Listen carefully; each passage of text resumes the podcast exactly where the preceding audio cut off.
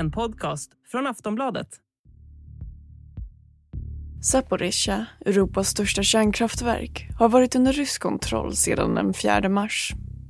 Den senaste tiden har larmen om beskjutning mot kärnkraftverket i Ukraina haglat. Satellitbilder som togs i måndags visar hur flera hål slitits upp i en byggnad precis intill reaktorerna. Och beskjutningen har väckt oro för en kärnkraftsolycka. Internationella atomenergiorganet IAEAs generaldirektör Rafael Mariano Grossi väntas i veckan anlända till Zaporizjzja med sitt team av inspektörer. Han har i flera månader varnat för risken för just en kärnkraftskatastrof. Samtidigt har Ukraina nu inlett en offensiv i Cherson-regionen och den ukrainska presidenten Zelensky uppmanar ryska soldaterna där att fly. Hur ser positionerna ut? Kan motoffensiven i söder påverka striderna vid Zaporizjzja? Och hur stor är risken för en ny kärnkraftskatastrof? Det talar vi om i dagens avsnitt av Aftonbladet Daily. Mitt namn är Ronja de Bor och dagens gäst är Wolfgang Hansson, utrikeskommentator på Aftonbladet. Hej Wolfgang och välkommen till Aftonbladet Daily. Tack. Kan du börja med att berätta om motoffensiven som Ukraina påbörjat i Chersonregionen? Ja, det är ukrainarna själva som säger att de har satt igång den här offensiven och att de har intagit eh, åtminstone fyra byar som eh, har, tidigare har kontrollerats av ryssarna. Det är väldigt knapphändiga uppgifter eh, om vad som egentligen hände på marken och det är nästan omöjligt att kontrollera eh, om de här ukrainska uppgifterna stämmer eller inte. Men ryssarna har i alla fall bekräftat att eh, Ukraina har startat någon, eh, någon form av offensiv. Och det här har ju varit på gång länge. Ukraina har ju länge sagt att man eh, funderar på, eller att man ville eh, gå till motoffensiv här och ta tillbaka eh, just det här området runt Cherson och söderut eh, för att tvinga bort ryssarna. Och här är ju också ryssarna kan ju bli lite instängda eftersom broarna över floden eh, Dnepr som eh, är sprängda så att de kan inte retirera över till andra sidan floden. Eh, så att det här är ju ett sätt för ukrainarna att försöka tillfråga Ryssland ett ordentligt nederlag. Ja, vad hoppas Ukraina åstadkomma? Ja, de, de vill helt enkelt slå ut eh, ryssarna och få dem Eh, tanken är väl att om ryssarna eh, går mot ett förnedrande nederlag i den här delen av Ukraina så ska det göra att de eh, lämnar överhuvudtaget. Det är väl ett önsketänkande förmodar jag, men det är väl det som ukrainarna hoppas på. Eh, och de behöver kanske också en framgång eh, rent moraliskt för att hålla stridsmoralen uppe bland befolkningen. För nu har ju Även om ryssarna inte har tagit några jättestora områden så har de ju ändå ryckt fram under de senaste månaderna utan att Ukraina har kunnat stoppa dem helt och hållet i, i östra Ukraina. Då. Och eh, hur ser positionerna för de olika sidorna ut i området? Ja, alltså det har ju varit eh, väldigt mycket av artilleribeskjutning från rysk sida. Man har skjutit mot ukrainska städer och byar eh, för att liksom, eh, lägga dem i ruiner och tvinga bort folk därifrån och sedan retirera en liten bit och sen fortsätta på det sättet. Men nu har ju ukrainarna fått egna lite mer kraftfulla vapen från, från väst, framförallt från USA och Storbritannien men även från, från Sverige och Tyskland och andra länder. Eh, uppenbarligen känner de att de har tillräckligt med vapen nu för att kunna gå eh, till motoffensiv. Och eh, ja, vad händer vid kärnkraftverket Zaporizjzja? Det har ju varit en eh, en situation där under väldigt lång tid, ända sedan ryssarna intog det i, i slutet på mars. Och ryssarna har ju, kontrollerar ju kärnkraftverket. Personalen är kvar och jobbar men eh, under vap, ryskt vapenhot så att säga. Det som har hänt är att det har varit beskjutning mot kärnkraftverket och runt omkring kärnkraftverket och det har varit ett ordkrig mellan båda sidor om vem det egentligen är som, som skjuter. Eh, och det är väldigt svårt att eh, såga sig igenom de här propagandadimmarna och veta vad som egentligen händer. Eh, nu, nu kommer ju en inspektörer från FN förhoppningsvis på plats om några dagar och då kanske vi får veta eh, lite mer. Men det, det, vad vi vet i alla fall så verkar det vara så att ryssarna har använder Zaporizjzja som en, som en bas varifrån man skjuter artilleri in mot Ukraina Eh, mot ukrainarna, eh, ukrainska städer och byar i förvissningen om att ukrainarna inte ska våga skjuta tillbaka. Och sen verkar det också vara så att eh, ryssarna delvis förstör elförsörjningen till eh, kärnkraftverket. Vilket ju ökar risken för att det skulle bli en, en, en olycka om kylningen exempelvis in, inte fungerar. Samtidigt är det lite svårt att se varför ryssarna skulle vilja sabotera kärnkraftverket på det sättet eftersom eh, de då själva kan, kan råka illa ut. Så det, är en, det är en väldigt blandad och eh, lite svårbegriplig bild där eh, av vad som egentligen händer. Men det verkar ju som att ryssarna, det, de, antingen är deras plan att de ska försöka föra elen som produceras där Eh, Eh, till de ryskkontrollerade områdena och koppla bort den ifrån det ukrainska elnätet och föra över det till det ryska. Alternativt att de så att säga stoppar eh, produktionen av el där för att Ukraina inte ska kunna ha, ha den här energin från kärnkraftverket. Den, eh, Zaporizjzja står ju för 20 procent av Ukrainas energiförbrukning så det är en väldigt stor och viktig del. Eh, och det är klart att om, om ukrainarna tvingas frysa i vinter så tänker ryssarna att då kommer de lättare ge upp eh, och ge Ryssland en seger. Eh, så att det verkar vara liksom ryssarnas skäl till att man, eh, man vill så att säga använda det här kärnkraftverket som utpressning mot Ukraina. Finns det andra anledningar till varför det här är en så strategiskt viktig plats? Kontrollerar man kärnkraftverket så kontrollerar man 20 procent av Ukrainas energiförbrukning. Eh, och det är klart att det är ju otroligt viktigt för Ukraina att hålla igång det här kärnkraftverket. Samtidigt som det för ryssarna naturligtvis vore en fördel om de kunde sno den här elen. Sen går ju frontlinjen här eh, utefter kärnkraftverket, alltså det är där i, om, i det området, där är frontlinjen mellan Ukraina och, och eh, Ryssland. Eh, och det gör ju också att det är eh, extra farligt och, och eh, risk för, för strider och, och bomb, bomber och så vidare i, i området. Ukraina och Ryssland har de senaste veckorna intensifierat anklagelserna mot varandra gällande kärnkraftverket. Hur då? Ja, det är att ryssarna säger ju att det är Ukraina som skjuter på kärnkraftverket och Ukraina säger att det är ryssarna som skjuter på det. Och eftersom det inte finns några oberoende observatörer där så är det väldigt svårt att veta exakt vad som händer. Sen är det väl så att det egentligen är det väl kanske inte så mycket själva kärnkraftverken som har träffats av eh, granater och, och granateld och annan beskjutning utan det är väl området runt omkring. Och eftersom det här är frontlinjen går i närheten här så kan det ju vara så att man så att säga man vet inte alltid, de här pjäserna är ju inte alltid så extremt eh, träffsäkra så det kan ju också vara misstag att saker och ting landar i närheten.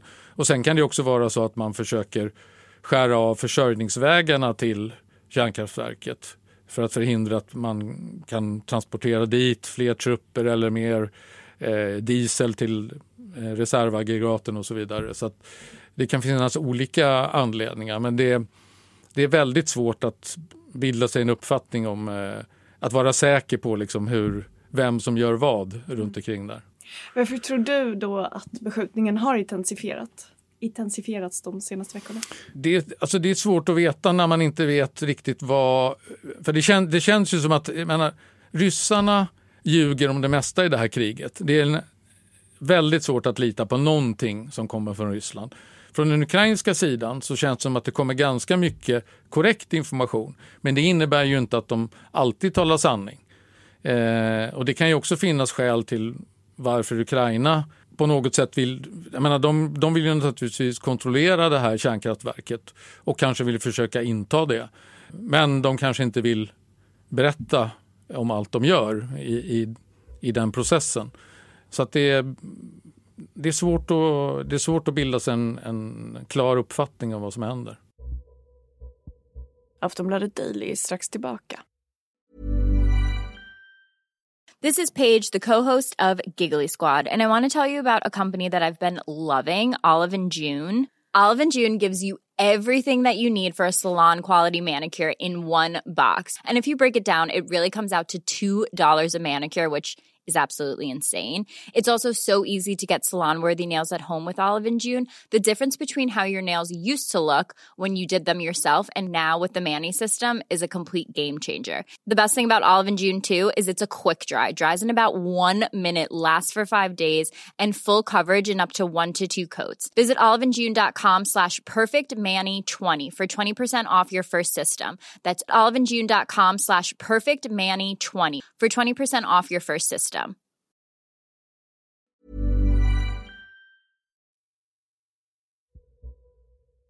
IAEA ska alltså besöka Zaporizjzja nu i veckan.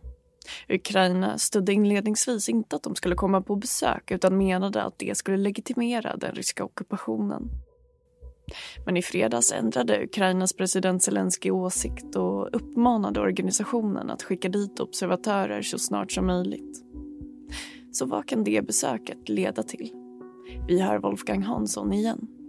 Ja, det är ett väldigt viktigt besök för då får vi för första gången någon form av oberoende eh, inspektion av kärnkraftverket. Jag menar, hur är det skadat? Hur stora är skadorna? Eh, vad är säkerhetsriskerna i närheten? Hur, hur, eftersom de här inspektörerna kommer ju att eh, föras till anläggningen. De kunna, kommer att kunna se på vägen dit. Hur ser det ut? Är det några strider? Är det, är det väldigt mycket som är förstört och raserat runt omkring kärnkraftverket? De kan ha med sig väldigt mycket viktig information ut därifrån. Och framförallt information om hur om det skulle vara någon slags omedelbar överhängande fara för eh, någon form av kärnkraftolycka, med härdsmälta eller någonting annat. Eh, och det är ju väldigt viktigt för omvärlden att få reda på. För jag menar, händer det någonting med det här kärnkraftverket, eh, då kan, det är inte bara Ukraina som påverkas utan Polen, Ryssland, alla grannländerna, kanske till och med Sverige, beroende på hur vindarna blåser, om det kommer ut radioaktivitet, eh, så kan stora delar av Europa påverkas av det här. Så att, det är ju väldigt viktigt att få en oberoende inspektion av kärnkraftverket. Zaporizjzja stod innan kriget för en femtedel av Ukrainas elproduktion. Vad händer med produktionen nu? Ja, som, det är lite oklart, vi får lite olika uppgifter men de senaste uppgifterna jag har sett det är att det är två av sex reaktorer som fortfarande producerar el eh, och de andra står still. Eh, men det är, är någonting som kan ändras eh, naturligtvis så det, det, är svårt att veta från dag till dag hur, hur läget ser ut. Och elen, går den till Ukraina? I dagens läge så går den till Ukraina. Mm. Och det, är ju också, det har ju också FN sagt att det, det, här är ju Ukrainas el och man har ju uppmanat ryssarna att lägga ner försöken att föra över elen till det ryska elnätet istället. Hur stor är då risken för en ny kärnkraftsolycka? Ja, där är ju experterna lite oense. En del säger att ja, det ska nog mycket till för att det ska hända någonting medan andra är, är mer oroliga. Eh, det är klart att ett kärnkraftverk är ju byggt för att motstå ganska ordentliga smällar så att säga. Men det första man tänker på när man bygger kärnkraftverk det är ju inte att någon ska bomba det. Så att det är klart att eh, börjar man utsätta de här för eh, artillerield så är det ju risk att eh, någonting händer. Och det värsta som kan hända det är ju att kylsystemen slås ut. För då, om inte reaktorhärden kyls, då blir det ju till slut en härdsmälta, det som hände i exempelvis i Fukushima, Japan då. Och där var det ju så att dieselgeneratorerna de lades under vatten på grund av tsunamin och då slutade de fungera. Här verkar det som att dieselgeneratorerna hittills fungerar.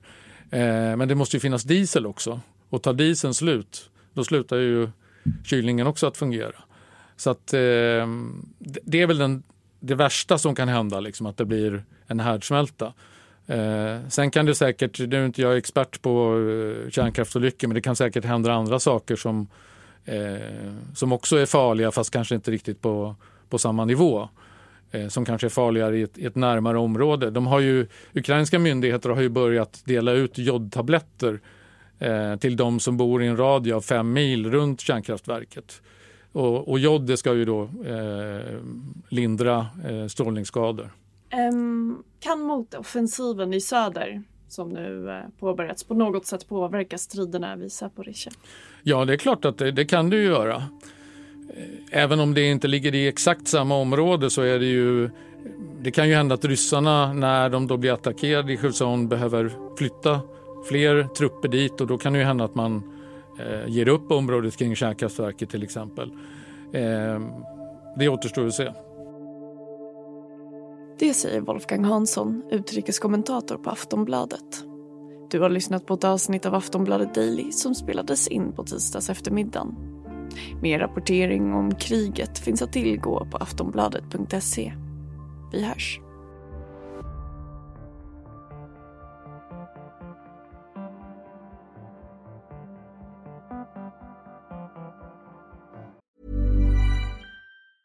When you're ready to pop the question, the last thing you want to do is second guess the ring. At Bluenile.com, you can design a one of a kind ring with the ease and convenience of shopping online. Choose your diamond and setting. When you find the one, you'll get it delivered right to your door. Go to Bluenile.com and use promo code LISTEN to get $50 off your purchase of $500 or more. That's code LISTEN at Bluenile.com for $50 off your purchase. Bluenile.com code LISTEN.